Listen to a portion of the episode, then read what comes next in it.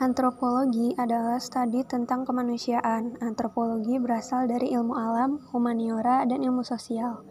Antropologi secara tradisional dibagi menjadi empat subbidang. Yang pertama, antropologi biologis atau antropologi fisik. Berfokus pada studi populasi manusia menggunakan kerangka evolusi. Yang kedua, antropologi budaya juga disebut antropologi sosial budaya atau antropologi sosial. Ini adalah studi tentang budaya dan terutama didasarkan pada etnografi. Yang ketiga, arkeologi. Ini adalah studi tentang budaya material manusia termasuk artefak yang dikumpulkan dengan cermat di situ potongan museum dan sampah modern. Yang keempat, antropologi linguistik. Berupa memahami proses kemanusiaan manusia, verbal dan nonverbal, variasi bahasa lintas ruang dan waktu, menggunakan bahasa secara sosial dan hubungan antara bahasa dan budaya. Sejarah antropologi pada tahun 93, istilah antropologi dalam bahasa Inggris merujuk pada ilmu alam manusia. Immanuel Kant membutuhkan 25 tahun untuk menulis salah satu risalah besar pertama tentang antropologi, yaitu Anthropology from a Pragmatic Point of View. Kan umumnya tidak dianggap sebagai antropologi modern karena dia tidak pernah meninggalkan wilayahnya di Jerman. Dia juga tidak mempelajari budaya apa pun selain miliknya sendiri.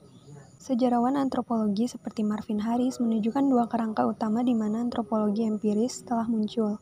Ketertarikan pada perbandingan orang atas ruang dan minat pada proses manusia jangka panjang atau manusia seperti yang dilihat dari waktu ke waktu.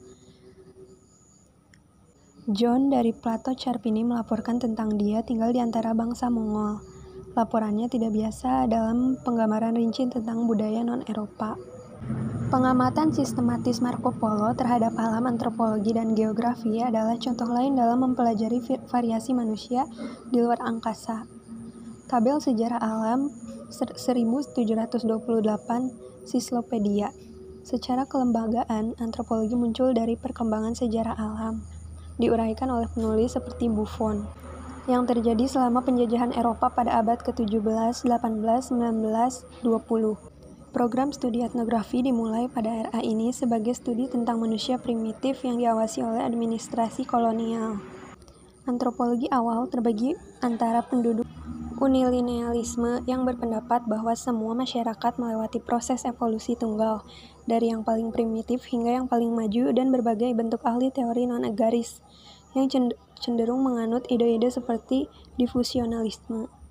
Pada abad ke-10, disiplin akademi sering kali secara perkelembangan dibagi menjadi tiga domain besar, ilmu alam dan biologi, berusaha untuk mendapatkan hukum umum melalui eksperimen yang terdapat di reproduksi diverifikasi.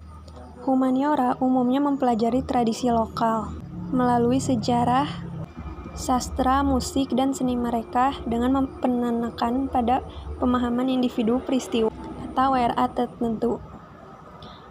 Antropologi yang muncul di antara kekuatan kolonial barat secara umum mengambil jalan yang berbeda dari yang ada di negara-negara Eropa Selatan dan Tengah menyebabkan penekanan berkelanjutan pada perbandingan lintas budaya dan penerimaan terhadap jenis relativisme budaya tertentu. Sedangkan negara penerus benua Eropa, para antropolognya sering bergabung dengan ahli cerita rakyat dan ahli bahasa dalam membangun perspektif nasionalis. Selanjutnya, ada di Amerika Serikat, Britania, Kanada, Prancis, dan negara-negara lain. Pada tahun 950-an dan pertengahan 960-an, antropologi cenderung semakin mencontoh dirinya sendiri setelah ilmu alam.